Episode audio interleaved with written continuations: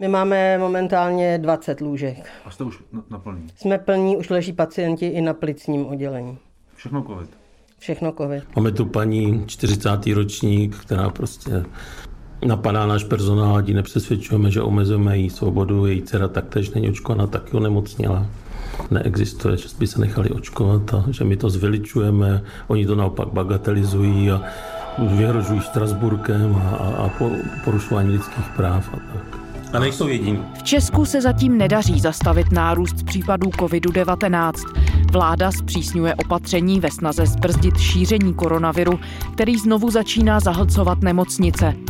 S jakými pocity v nich končí očkovaní i neočkovaní pacienti?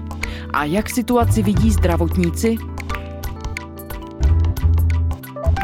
Je pondělí 22. listopadu. Tady je Lenka Kabrhelová a Vinohradská 12.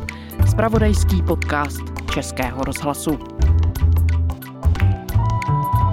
Lubomír Smatana, reportér radiožurnálu. Ahoj Lubomíre.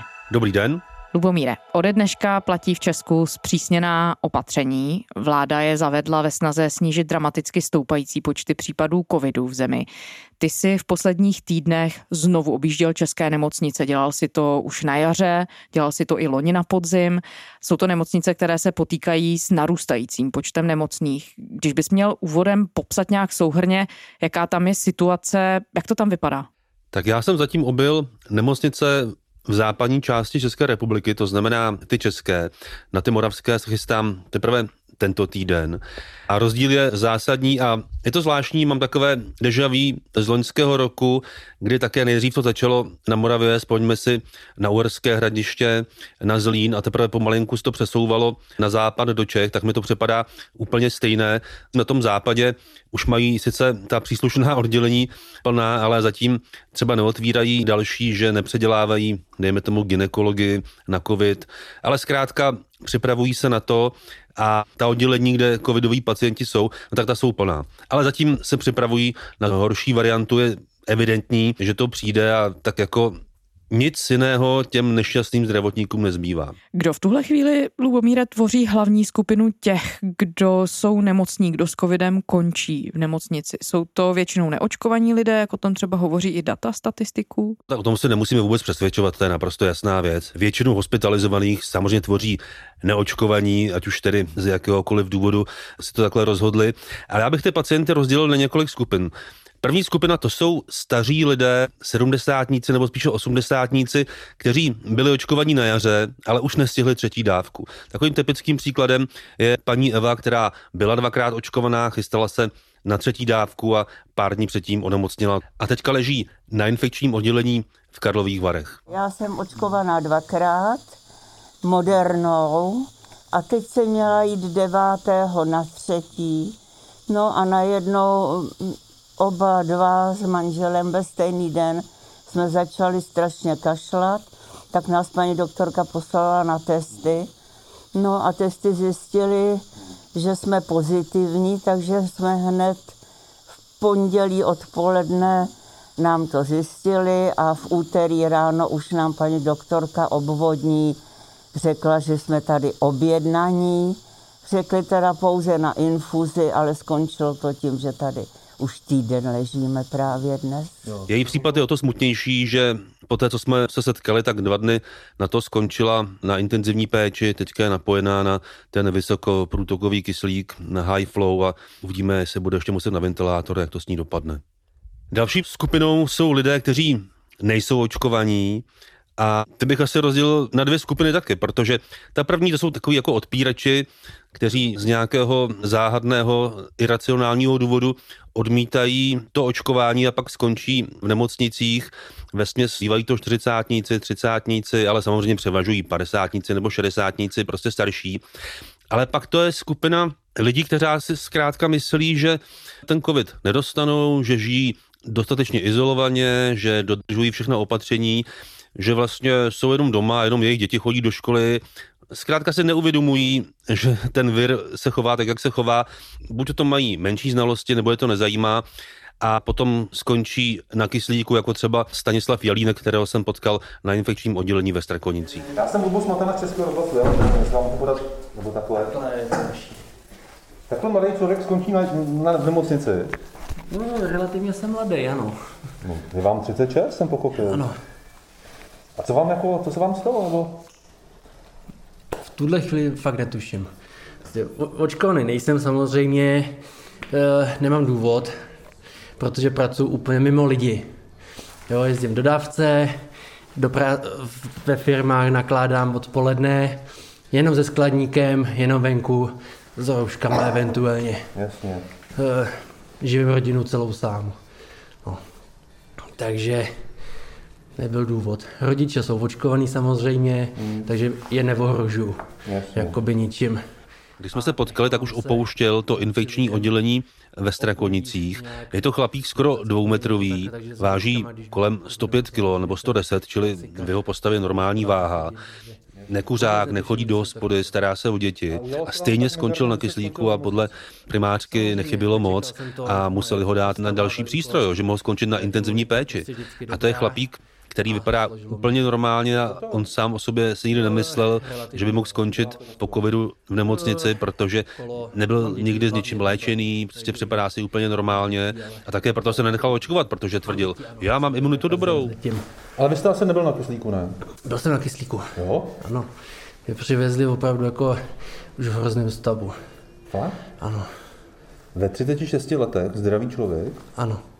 Úplně týden jsem doma ležel teda v horečkách, 38, 9 a pak se to zlomilo, eh, klepání strašný, prostě už nemohl jsem se pořád nadechnout nic a, a už mě vezli. Jinak jste ale v podstatě vůbec úplně normálně zdraví, nemáte jsem žádné... nemám, nemám nic. Já nemám potíže celý život s ničím, nepiju, nekouřím. A proto mě to teda teď jakoby to, že se asi nechám očkovat. Jo? Asi už o tom budu přemýšlet, no, když vím, že mi to takhle složilo. Co ti potom říkají o tom, že se nenaočkovali? Litují toho zpětně, nebo jak to reflektují? No je to celá škála odpovědí od těch, co toho litují, říkají si, a sakra měl jsem, nebo je to pozdě, nebo jako přemýšlím o tom, ano, asi jsem udělal chybu, tak opravdu je to široká škála, no ale pak tu máte opravdu totální odpírače, kteří ani když jsou převáženi na ventilátor, tak nejsou schopni připustit, že nějaký COVID existuje. S takovou skupinou si nevědí rady ani odborníci ze všech možných specializací, tak se nedá asi k tomu nic říct, že tady existuje zkrátka skupina lidí, kteří si myslí, že země je placatá. Co ti říkají ti naočkovaní lidé? Jak nesou to, že i přesto, že udělali maximum možného, co v tu chvíli mohli nebo dokázali, co jim situace umožnila, tak skončili nakonec na nemocničních lůžkách? Berou to úkorně, samozřejmě, protože ti staří, třeba 70, 80, se nechali očkovat včas, ale třetí dávku dostat zkrátka nemohli systém, stát nebyl schopen ty třetí dávky včas připravit, čili to na sebe nenavazovalo. Takže byli z toho nešťastní, kdyby byli očkovaní dřív, tak by nemuseli někteří z nich skončit tam, kde skončili. Ano, jsou z toho roztrpčení a jsou překvapeni, že přestože byli dvakrát očkovaní, tak i tu nemoc chytli a skončili třeba na lůžku. Myslím, že mnozí nejsou z toho rozeznat, že ani po dvou dávkách nejsou stoprocentně jištěni. Je třeba to těm lidem stále říkat, stále informovat a neustále točit ten kolotoč informací, proč a jak se ta vakcinace poskytuje.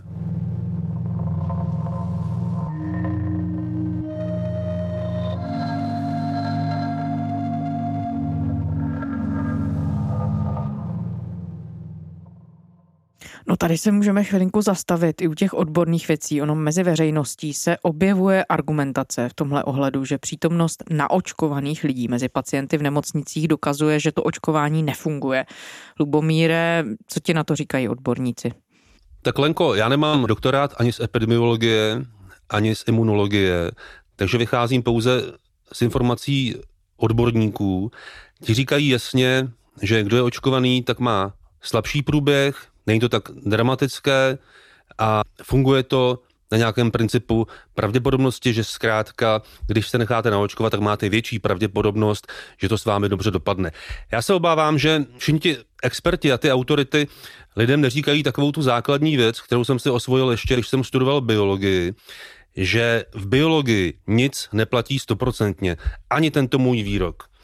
Vir se chová tak, jak se chová, ta strategie je velice zajímavá, někoho to postihne, někoho ne, ale je třeba lidem říct, že to vlastně je biologie, takže my nevíme, jak se bude 100% chovat k tomu danému člověku. My nevíme, jak zabere vakcína na toho daného člověka podle věku, podle váhy.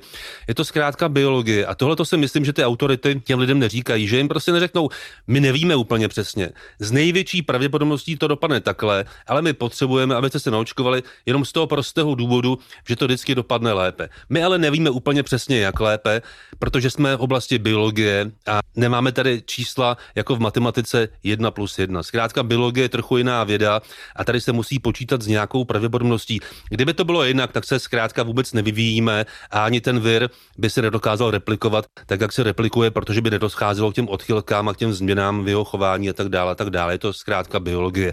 A kdo biologii nestudoval a nemá doktorát z imunologie, tak ať se do toho radši vůbec neplete a poslouchá, co mu říkají odborníci.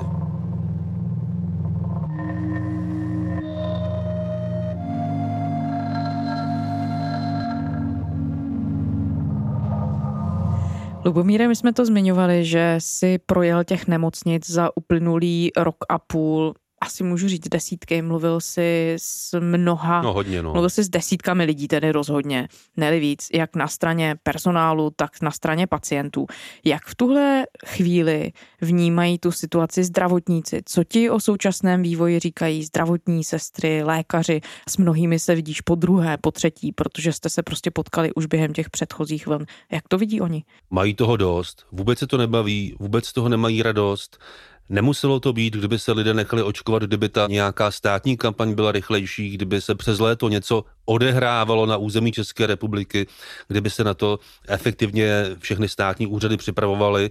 Ti zdravotníci jsou z toho nešťastní, protože to zase padne celé na ně. Oni jsou ta skupina, která se s tím musí nějak poprat a ti ostatní těm je to podle mého názoru v podstatě jedno, protože se tím nemusí nějak zabývat. Bohužel lidé si neuvědomují, že ta péče nebude dostupná, když se zavalí nemocnice spoustou covidových pacientů. To vám řekne každý, třeba primářka infekčního oddělení Alena Dvořáková ze Strakonic co doufáme teda všichni, že to nebude jako minulý rok, protože minulý rok to samozřejmě ne, neodneslo jenom naše oddělení, ale větší část nemocnice a byla naprosto paralizovaná a je to špatně. Takže my doufáme, že přeci jen to očkování a to určitý promoření něco přinese, že třeba těch pacientů nebude tolik, ale samozřejmě budou. No. A už jenom to, že nemůžeme přijímat naše pacienty necovidový, který nás taky potřebují a je jich víc než loni, a musíme to řešit že po ambulancích nebo se spolupráci s internou je pro nás nekomfortní a pro ty lidi nekomfortní a samozřejmě řada lidí unikne nějak špatně, že jo? Hmm. takže to je špatně. No, prostě se kvalita péče musí nutně snižovat. Uh, určitě jo, i když se snažíme dělat, co se dá, ale prostě nedá se všechno. Úplně si vybavuju situaci z covidového oddělení ve Slaném, kde tomu šéfuje intenzivista Tomáš Drasnar. To byl fakt steklý člověk, byl naštvaný, stejně jako jeho vrchní sestra, protože je to nekonečná práce, nemá to v podstatě budoucnost. Jak jsem říkala na začátku, prostě máme vztek, je to beznaděj, nemůžete proti tomu vůbec nic dělat, prostě když ty lidi přijdou, musíte se o ně postarat. Ale máte co dělat, se prostě ovládnout. Je to zbytečný, kdyby ty lidi byli naočkovaní. Je to zbytečný. Tak, tak tady nestojíme, nebavíme se. A ovládáte se, jo?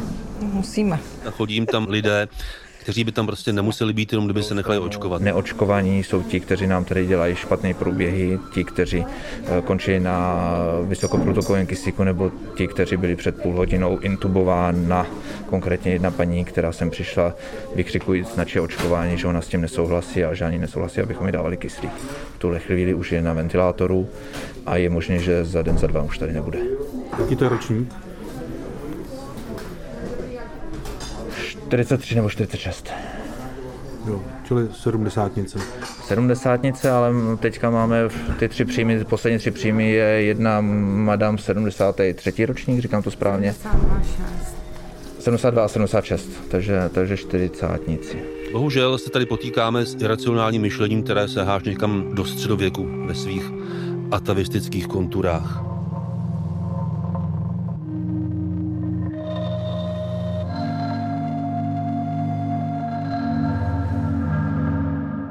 S těmi lékaři mluvíte nějak mezi řečí a nemám v ruce mikrofon, tak ta deprese tam je poznat. Dal bys to schrnout slovy klasika. Je to marný, je to marný, je to marný. Ti lidé si prostě nedají říct a nenechají se očkovat a bohužel síla nějaké státní autority tady prostě nefunguje v tomto státě. Takže se dá říct, že se i od toho jara změnily emoce, že se prostě potkáváš s těmi doktory a zdravotními sestrami a s dalším zdravotnickým personálem v jiném rozpoložení, než byli třeba před půl rokem. Mě jenom fascinuje, že oni jsou ochotně ti lékaři a zdravotníci léčit i ty lidi, kteří tam přijdou my nechceme očkování, ale potom chtějí tu nejlepší péči, chtějí ty nejlepší léky, chtějí ty nejdražší léky, které ovšem mají mnohem, mnohem víc vedlejších účinků než ta samotná vakcína. A obdivuju ty lékaře a ty zdravotníky, že jsou ochotni se těm lidem věnovat úplně stejně, jak těm očkovaným, tak těm neočkovaným. Můžeš to popsat, Lubomíre, jak to vypadá? Já vím, že pro tebe už to je zcela běžná věc, ale pojďme přece jenom vylíčit, když do té nemocnice přijdeš, co se tam děje. Každé oddělení covidové nebo jakékoliv, kde jsou covidoví pacienti, tak vypadá normálně. Tam nepřijdete a nevidíte, že by tam lítali sestry jako na koštěti a že by tam přebíhali doktoři z místa na místo. To oddělení jsou klidná, protože lidé jsou na přístrojích, většina z nich má kyslík, takže moc nemluví, každý dostává svou zásobu léků, probíhají vizity, kdy lékaři kontrolují stavy pacientů, přijímají je, propouštějí, musí třeba řešit podávání monoklonálních látek, podle toho, jestli to dané pracoviště podává. Řeší takové ty běžné věci, které nepůsobí na první pohled dramaticky. Jasně, dramatické to je na emergency, kam musí ti lékaři z těch oddělení zase přijít, ty pacienty si nějak rozdělit. Mnohem samozřejmě závažnější je třeba situace v té východní části na Moravě, kde už museli dávno řadu dalších oddělení měnit na ty covidové. Ale tenhle ten scénář za chviličku čeká i tu českou část. No, na první pohled, když vstoupíte na oddělení, tak nemáte pocit, že by to bylo něco dramatického. Vidíte pacienty, vidíte personál a všechno je takové jako normální. No ale když ty pacienti postupně odcházejí, ta umrtnost je poměrně vysoká, je to zhruba 31 tisíc lidí, co zemřelo a každého toho člověka ti zdravotníci museli nějak přijmout, mluvili s ním, dívali se mu do očí, prostě bavili se s jeho příbuznými, no a pak se vezme černý pytel a ozve se ten suchý zip a konec, no.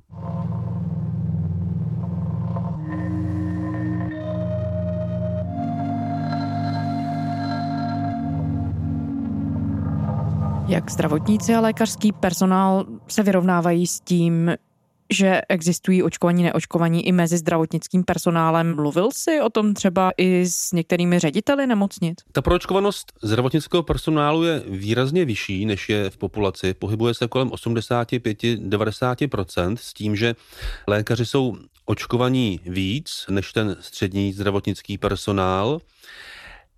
Na některých odděleních to dělají tak, že převádějí ty neočkované zdravotníky někam jinam, když to teda je možné podle pracovní smlouvy. Vím, že to dělají i, nechci říkat v rozporu s pracovní smlouvou, ale hledají cesty, jak ty neočkované zdravotníky přesunout na jiná pracoviště, aby je neměli u sebe, když jsou tedy na plicním nebo na infekčním. Je to i obtížné docela, měl jsem případ zajímavý, nebudu říkat odkud, ale tam sestry, které byly očkované, tak si vzali ošetřování člena rodiny, ale protože se jim to finančně nevyplácelo, tak nakonec se smířili s tím, že se nechali naočkovat a mohou na tom oddělení pracovat. A objevuje se v rámci nemocnic třeba debata i o možném plošném nařízení očkování aspoň u vybraného personálu, protože teď víme, že podle těch nových opatření se musí veškerý zdravotní personál neočkovaný testovat povinně. Uvažují třeba ředitelé o tom, nebo slyšíš tam hlasy volající potom, aby třeba ve zdravotnictví v sociálních službách bylo zavedeno to sektor sektorové povinné očkování? Je to různé. Záleží asi šéf od šéfa nebo ředitel od ředitele. Já jsem neslyšel nějaký jednotný hlas, který by řekl, ano, jsme pro kompletní očkování. Ono to většinou vypadá tak, že 90% to máte, skoro všichni jsou naočkovaní, někteří tu nemoc třeba si prošli v posledním půlroce, čili na očkování z tohoto důvodu nejsou, čili ta bezpečnost, já myslím, že tam je zaručená, že to asi moc ti primáři vrchní sestry neřeší. Když je možnost, tak to člověka přesunou někam jinam, když ne, tak on stejně nakonec ten covid dostane a promoří se, ono mu asi nic jiného nezbyde.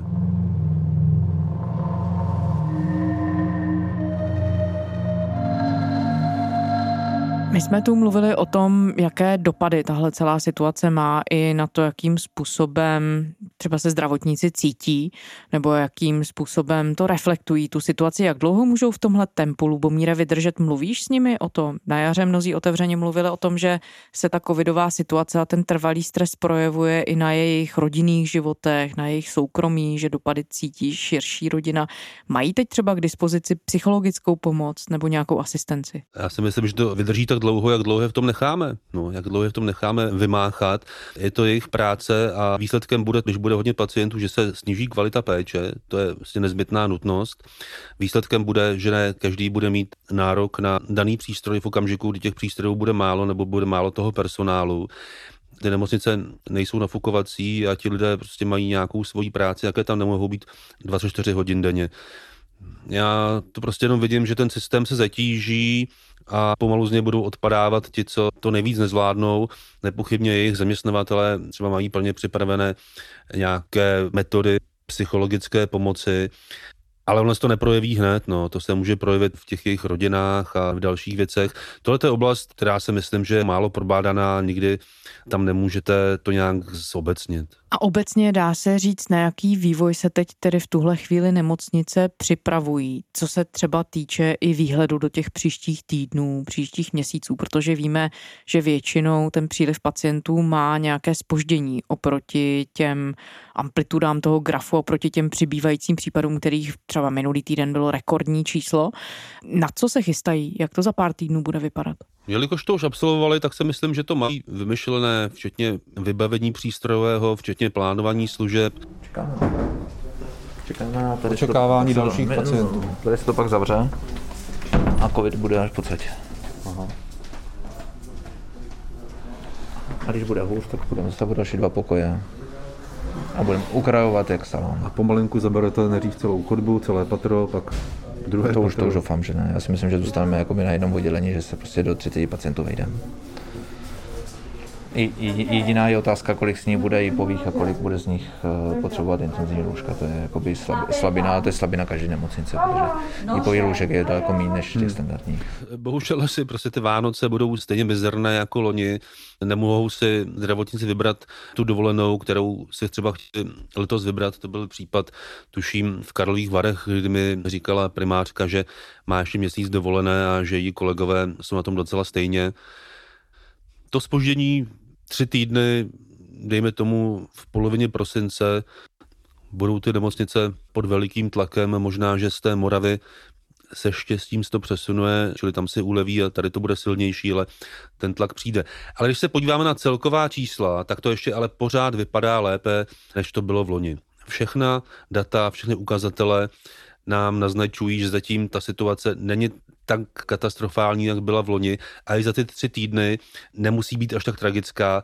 Jediným důvodem je, že přece jenom ta populace je z nějakých 64-65% proočkovaná to očkování funguje.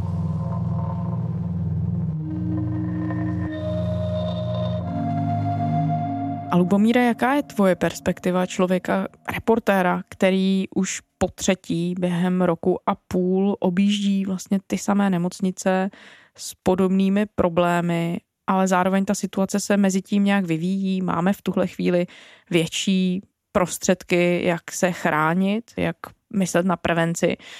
Jak to vnímáš ty? No, není to moc povznášející pocit vidět ten debakl znova, jak se nedaří v tomhle státě nastolit aspoň nějaká základní pravidla. To není jenom o tom, to, co vidíte v nemocnicích, ale to je o tom, jak se chovají lidé venku, jak jsme se tady úplně asi zapomněli v jiném čase a v jiném prostoru. Já si to nějak nedokážu představit. No a na těch klinikách mají ti zdravotnice smůlu, no. Necháváme v tom, oni se s tím musí nějak smířit. Někteří z nich to prostě dají dobře, někteří to dají špatně, někdo třeba odejde, najde si nějakou jinou práci.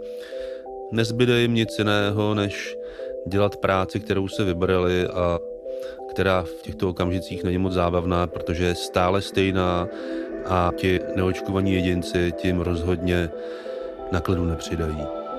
Lubomír Smatana, reportér radiožurnálu. Lubomíre, děkujeme za rozhovor. Příjemný den. A to je z pondělní Vinohradské 12 vše. Ke všem našim epizodám se můžete kdykoliv vrátit na serveru iRozhlas.cz a také ve všech podcastových aplikacích. Psát nám můžete na adresu vinohradská12 zavináč rozhlas.cz To byla Lenka Kabrhalová. Těším se zítra.